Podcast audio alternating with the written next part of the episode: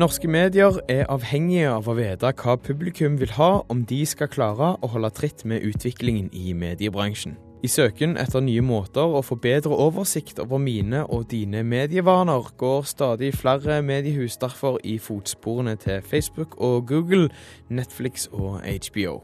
Ved hjelp av informasjonen de kan hente om hver enkelt forbruker på nettet, vil de nå skreddersy innholdet sitt på en helt ny måte. Verste tingene jeg visste da jeg jobba i TV Norge, det var eh, når det kom eh, eh, konsulenter som skulle fortelle meg om hvordan jeg skulle drive TV. Roboter og computere på vei inn i mediebransjen var navnet på et foredrag under årets radiodager, der bransjen samles til debatt, foredrag og mingling i Oslo. Det er mange som tror at det kommer en, en fysisk robot rullende inn når man snakker om roboter. Eh, roboter er så mye mer enn det. Det er software, det er, det er uh, mye andre ting. Mannen som holdt foredraget, var Helge Flemmen fra ID Management. Eh, det, det, handler jo om fra gut feeling til data-feeding. Og det, det, er klart at det er mye flinke folk både i, i TV- og radiobransjen, men mye av det foregår med magefølelse. Med erfaring fra TV-bransjen har han utvikla et verktøy som han håper kan avlaste magefølelsen til landets radioprodusenter. Han vil følge med på hva folk snakker om på Facebook, og målet det er å gi kringkasteren relevant info om hva folk syns. F.eks. hva karakter i en serie som blir mest snakka om, eller hva som skaper mest diskusjon av temaene i et debattprogram. Det, det er klart at det blir jo et overvåkningssamfunn som, eh, som eh, det diskuteres, men i denne sammenheng så er jo ingen vei utenom. Eh, hvis man ikke følger med i timen her eh, i forhold til big data, roboter, algoritmer osv., så, videre, så taper man. Eh, for det er garantert noen som er yngre, mye raskere i hodet, som griper fatt i det. Og det er ingen begrensninger på hva som kan gjøres. Så her gjelder det å, å følge med i timen, rett og slett. Verktøyet det skanner Facebook-profiler, registrerer kommentarer som kan relateres til programmet de har lyst til å undersøke, og så analyserer en datamaskin alle innleggene, og klarer automatisk å tolke språket for å finne ut om folk er fornøyd eller misfornøyd. Helge Flemmen kommer med et eksempel fra TV-program de jobba med tidligere. Eh, ordene 'jeg' og 'ungene' det handler om kanskje noe mer enn bare unger og jeg. Det handler kanskje om familiekos. Familiekos i denne sammenhengen er en trigger eller en av driverne for å se på uh, dette programmet. Og Det er sånne da ordsammensetninger vi eh, er ute etter, og klarer å tolke, og linker opp mot det da som er viktig for eh, kunden å finne ut av. Tidligere har kringkastere vært avhengige av spørreundersøkelser, lyttermålinger, dybdeintervjuer, i tillegg til den gode, gammeldagse magefølelsen for å avgjøre hva program en bør satse på, og hva en skal gjøre mindre av. Helge sitt verktøy tilbyr mer info og dypere innsikt.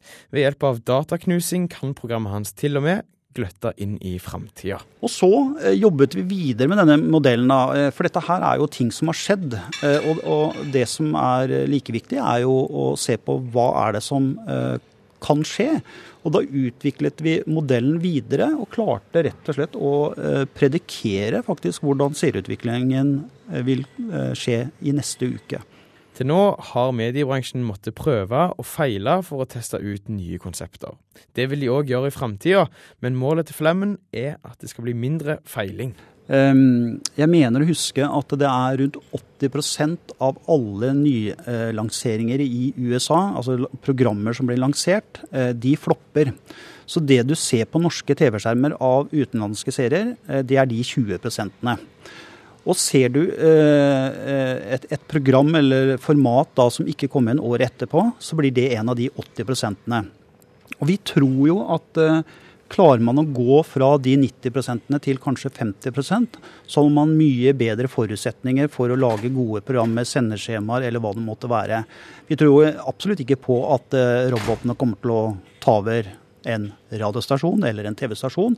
Men vi tror at det er en, en bedre balans, et bedre balansert forhold eh, i dette spillet. Jeg tenker at det er en blanding av science fiction og store muligheter, og også litt skremmende, på en måte.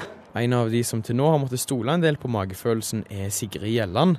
Hun er regionredaktør i NRK, og satt i salen mens Helge Flemmen holdt foredrag. Altså, som sagt så bruker vi jo i dag Radio Analyzer, vi bruker Gallup, vi bruker overvåkningsverktøy for å se hvordan publikum bruker tilbudene våre. Eh, den semantiske modellen, jeg, tror, jeg vet ikke. Jeg, men jeg tror ikke vi er veldig langt unna. Selvfølgelig vil vi ta i bruk alt som kan gi oss mest mulig kunnskap om publikum og deres, hva de har bruk for. Siden 2006 har radiobransjen målt lytting ved hjelp av PPM-bokser. 1000 mennesker i Norge bærer hver eneste dag rundt på en liten svart boks med en grønn lysdiode. Den fanger opp og registrerer all radiolytting som personen som bærer den, enten frivillig eller ufrivillig skulle bli utsatt for. Kringkasteren får derfor info om folk har på eller av radioen sin, men ikke hvorfor de skrur den på eller hvorfor de skrur den av. Det er det det semantiske eller språktolkende dataprogrammet til Helge Flemmen kan endre på. Gjelland ser ikke vekk fra at NRK kan ta i bruk dataprogrammer som tråler sosiale medier etter feedback fra publikum i framtida. Det er klart, vi ønsker jo når vi sender ut innhold, at det skal treffe publikum. Og at publikum skal ha nytte, glede, bruk for det. Og det samme gjelder musikken. Eh, så til det formålet, å spisse ytterligere mot publikums behov, så er det jo kjempenyttig. Og så skjønner jeg jo også, og det kjenner jeg hos meg sjøl også, den derre storebror ser deg-følelsen som uh, ingenting du gjør på internett er privat. Alt plukkes opp. Uh, det er klart, den, den har man også i bakhodet. Det å prøve å måle brukermønster for å finne ut hva forbrukere egentlig vil ha, har en prøvd på lenge. Men utviklingen har skutt fart de siste åra. Kraftigere datamaskiner, raskere internett og det at vi hver eneste dag går rundt med en smarttelefon, har gjort at det finnes ubegripelige mengder informasjon på internett. Om hvem folk er, hvor folk er, hvor fort de beveger seg, hva nettsider de besøker, hvor lenge de besøker nettsidene, hva de søker på, hva de liker på Facebook, deler, og hva de bare blar forbi det er ikke rart at forbrukere mister oversikten over hva informasjon de etterlater seg på nettet, og det kan være lett å glemme hvor verdifull den informasjonen er for bedrifter. Altså det, det, jeg, jeg, jeg, har jo merka det at hvis jeg prøver å ikke godta at tjenestene skal høste data, så får jeg ikke bruke tjenesten. Jens Barland er førsteamanuensis i medieledelse og innovasjon på NTNU. Og da blir det sånn at ok, da, de får bare få disse dataene som jeg egentlig ikke har lyst til å gi fra meg. Jeg var f.eks. sånn lenge at jeg insisterte på at hvis jeg skulle ha kontakt med en kundetjeneste, et eller annet sted, så ville jeg sende en gammeldags e-post eller ringe og snakke med dem. Og ikke kommunisere gjennom Facebook-kanaler eller sånn. fordi at i det øyeblikket jeg tok kontakt med kundetjenesten på en Facebook-side, ja, så har de fått hele vennelista mi der. Men nå med big data-høsting cookie, så vet de jo både det og veldig mye mer annet likevel. Så jeg har på en måte bare blitt dratt over den terskelen, så da får det bare være sånn, for det er sånn verden er. Også for jeg ha litt tillit til at disse som stort sett er kommersielle aktører, ja, de bruker jo tross alt da for å gi meg reklame og for å påvirke meg og sånne ting, så får jeg heller tåle det.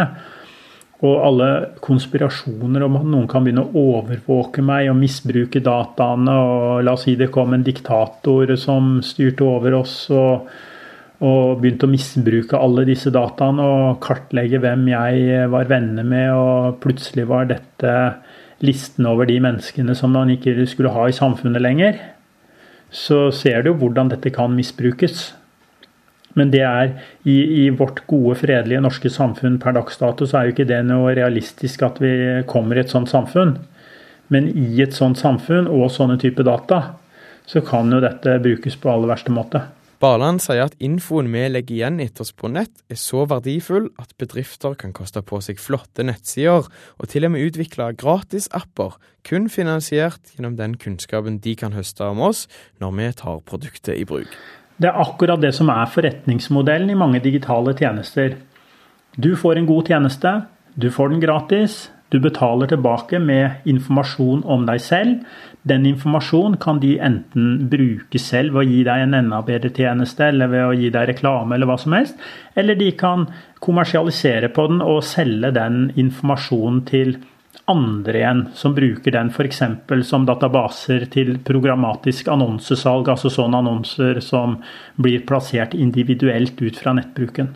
Google er et eksempel på et sannhetsselskap. selskap. Du får bl.a. søkemotor, e-posttjenester, kart og kalender gratis, mot at de får bruke e-postene dine, avtalene dine, dine besøkte steder osv. til å gi deg skreddersydd reklame.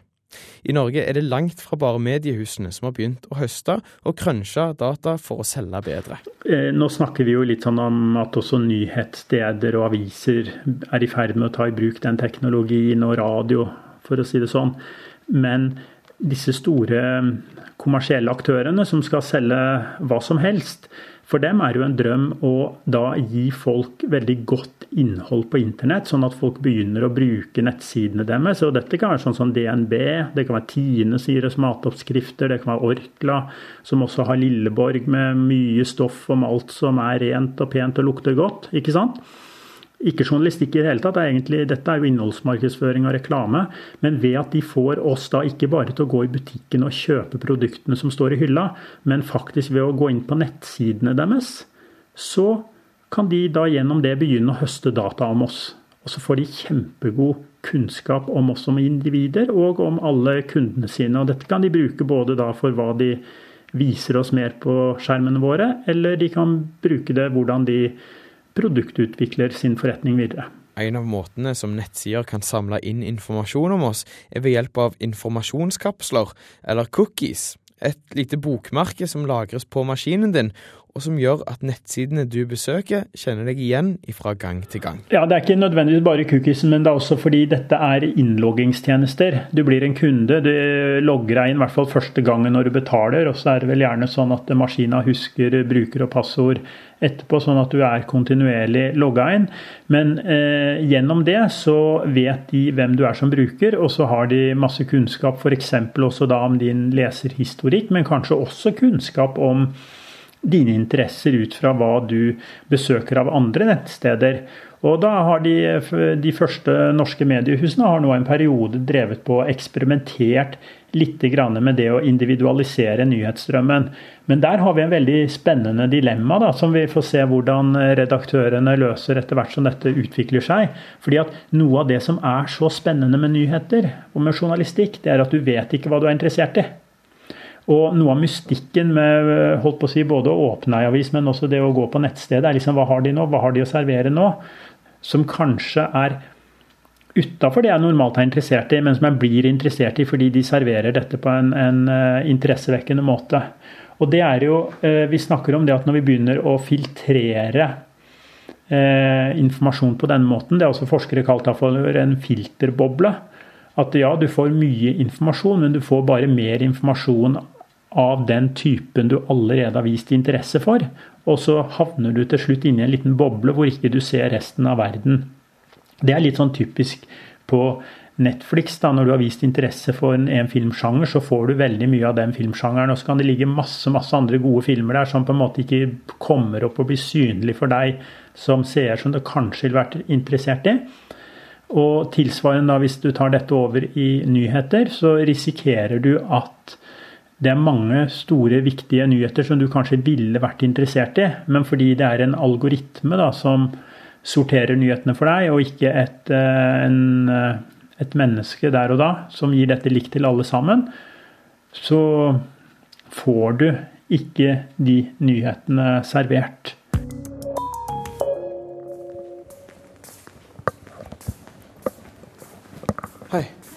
Skal heter Jørgen Frøland?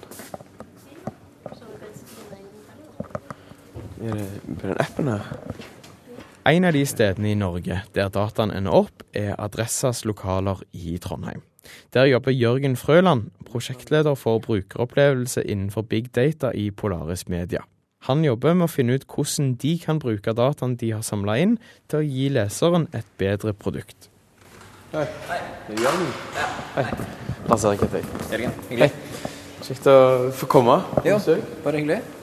veldig mye. Du har jo fått en sånn Ja, du kan bruke den på. På vei opp til kontoret hans må han sveipe kortet sitt for å åpne dører seks ganger. Det kan bli litt mye, men det er en vanesak. Ja. I fjor starta de et forskningsprosjekt i samarbeid med NTNU. De vil lage programmer som kan tolke og forstå avisartikler. For de klarer datamaskinen å finne en fellesnevner ut fra alle artiklene som én kunde har lest, så kan de nemlig anbefale lignende artikler til den samme leseren. Vi håper at de skal få datamaskinen til bedre skjønne hva, eh, hva tekst er. Altså vi, når vi leser en tekst, så skjønner vi jo den teksten veldig godt. Men å få datamaskinen til å skjønne bedre eh, maskinelt forstå teksten, rett og slett. Eh, vi har jo eksempler som eh, eh, at ord har flere meninger.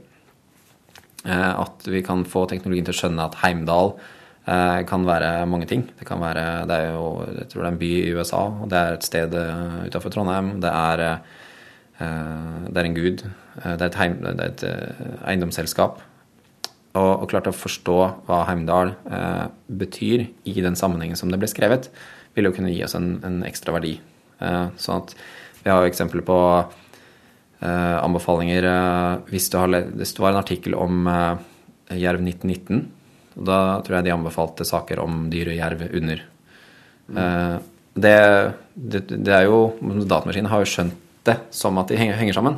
Fordi ordet er forstått isolert i seg selv. Men det passer jo ikke, fordi at eh, fotballklubben Jerv og, og dyret Jerv det har jo ikke noe med hverandre å gjøre i utgangspunktet. Nei. Så da kommer du opp på sida der sånn at har du lyst til å lese flere saker om Jerv, og så har du egentlig lyst til å lese flere saker om fotball? Ja, og så er det, får du plutselig at det er en jerv som har uh, gjort et eller annet i en hage. Så det, så det, er, noen sånne artige noen bommerter da, som vi flirer litt av. Men, men jeg, det er ganske få av de.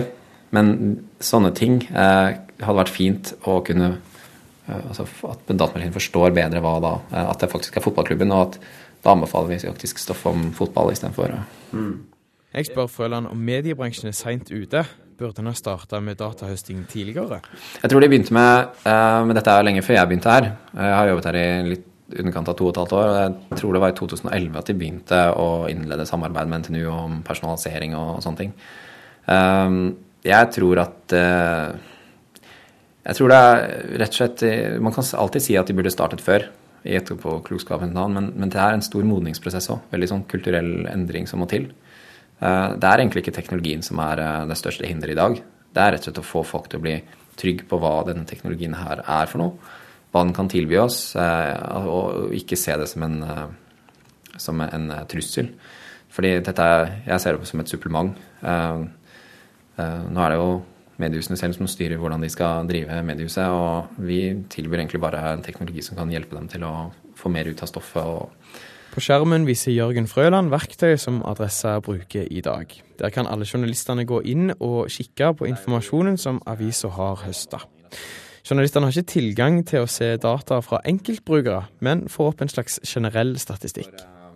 La oss si vi kan, kan vi se på et uh, dashbord. Um, dette er et sånt dashbord som journalistene kan, uh, som, som, de har tilgang til. Skjermen er full av tall, stikkord og grafer som beskriver hvor godt en enkeltsak har gjort det. Person eller sak, eller hva er det uh, ja, akkurat nå så er det For vi, vi, samler jo inn sidevisninger. Ja. Det er jo sånn Når folk besøker nettstedene i konsernet, så samler vi inn sidevisninger. Og de får en del informasjon på seg. Og så kan vi filtrere på det. Okay. Blant annet så er det jo Kjønn, alder, hvor lenge hver enkelt sak blir lest, og hva type saker leseren har lest før, er noe av den informasjonen Adresse har om sine brukere. Eh, hvilken nettleser man bruker. Eh, man gir informasjon om hvor man, sånn cirka hvor man er. Man, sånn som IP-adresse er jo noe som eh, vil, Det lagres ikke. For det er jo egentlig det er jo personinformasjon. Det er jo definert av Datatilsynet som personinformasjon. Så det lagres ikke, men det brukes til å finne ut hvor er du. Det, det fins egne databaser som som, hvor du kan slå opp en IP-adresse. Og så hvor, hvor, befinner den IP-adressen seg. Så da har jo CSNS en database som Hvis du besøker oss, så slår den opp, og så finner du ut at ja, du er i Trondheim eller Oslo. Med utgangspunkt i den informasjonen har Adressa begynt å flørte med automatiske anbefalinger. Det gjør de gjennom et norskutvikla program som heter Sisens. Du kan jo, du kan jo se her Eh, i bunnen av sakene. Vi, vi kan anbefale på flere forskjellige måter. Vi har noe som heter kontekstuelle anbefalinger. som er basert på det innholdet som du akkurat har lest. Så nå, i bunnen her Skal vi se, her nede et sted. Her fikk du med deg disse. De her er eh, i hovedsak basert på kontekstuell anbefaling. Da er, tar CSANS utgangspunkt i den saken som allerede er lest, og prøver etter beste evne å finne saker som ligner på det. Og Da er det jo sånn at eh, den treffer jo ikke alltid, men så treffer den bra i noen tilfeller, og sånn, sånn cirka i andre tilfeller. Eh, og det som er målet vårt, er ikke nødvendigvis at, skal, at, skal, at de alltid skal oppleve sånn ah, dette her passer perfekt. Men hvis vi klarer å, å i noen tilfeller eh, gjøre det mer relevant enn en, en, en tilfeldig sak, så vil vi øke eh, lesingen lite grann. Eh, så det er det det handler om. Så øke sannsynligheten for at noen ønsker å klikke på det. Hvis vi øker sannsynligheten med 5 så har vi jo fått en gevinst. Og dette er jo datamaskinen som gjør, så vi gjør jo ingenting. Vi har jo bare gjort en liten jobb i forkant. Og når teknologien ligger der og jobber, så, så koster det oss ingenting i arbeid. Foran seg har Frøland en nettsak om barnevernet. Til høyre for saken, under fanen 'Leses nå', ligger det linker til andre nettsaker. Men de sakene som ligger der, ligger ikke der fordi de leses nå. De ligger der fordi programmet tror at de vil passe for deg. Vi har også en anbefaling som er her oppe. Den her. Mm. Basert på den atferden du eh, har vist. Og det er jo tilbake til det at hvis, hvis en som da leser mye om barnevernet, vil, kan, vil, hvis det er en annen barnevernssak tilgjengelig i det tidsrommet vi anbefaler fra, så vil en forhåpentligvis dukke opp her. Så Fanen her står det 'leses nå', eh, så da hadde jo jeg trodd at dette var saker som mange leste akkurat nå. Men det Ja. som egentlig ligger til grunn for hva som vises her, er hva interesser du har vist i form av de tidligere sakene du har lest. Ja, eh, akkurat sammenhengen eh, mellom den tittelen der og hva som kommer der, er litt sånn av og til litt sånn vanskelig å altså de, de har kalt det anbefalingene for f.eks. leses nå, eller eh, um, Så det Ja. Kan si at det trenger ikke noe det, det, det, skulle jo ha stemt bedre, vil jeg nesten eh, si. Men, men vi har vi, Det er litt med at vi tester òg, at vi eh, vi, vi prøver ut nye ting. Sånn at den tittelen der trenger ikke alltid stemme. fordi målet vårt er jo å eksperimentere, teste hva funker.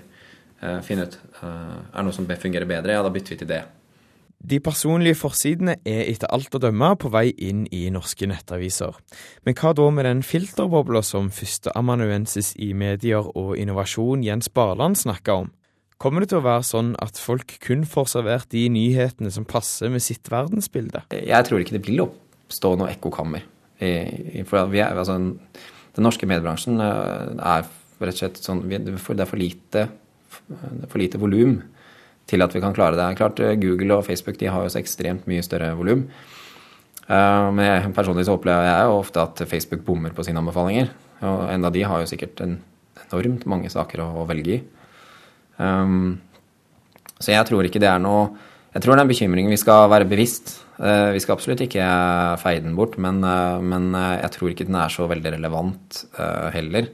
Og så er det jo det at det er viktig å se på det her som et supplement, og ikke altså, redaksjonen skal kunne overstyre. Altså, er det noe viktig som har skjedd, så skal redaksjonen kunne rett og slett si at dette skal ut. Og det skal ut der. Systematisering av data om forbrukerne er ikke lenger noe nytt, og det er ikke bare Facebook og Google som holder på med det.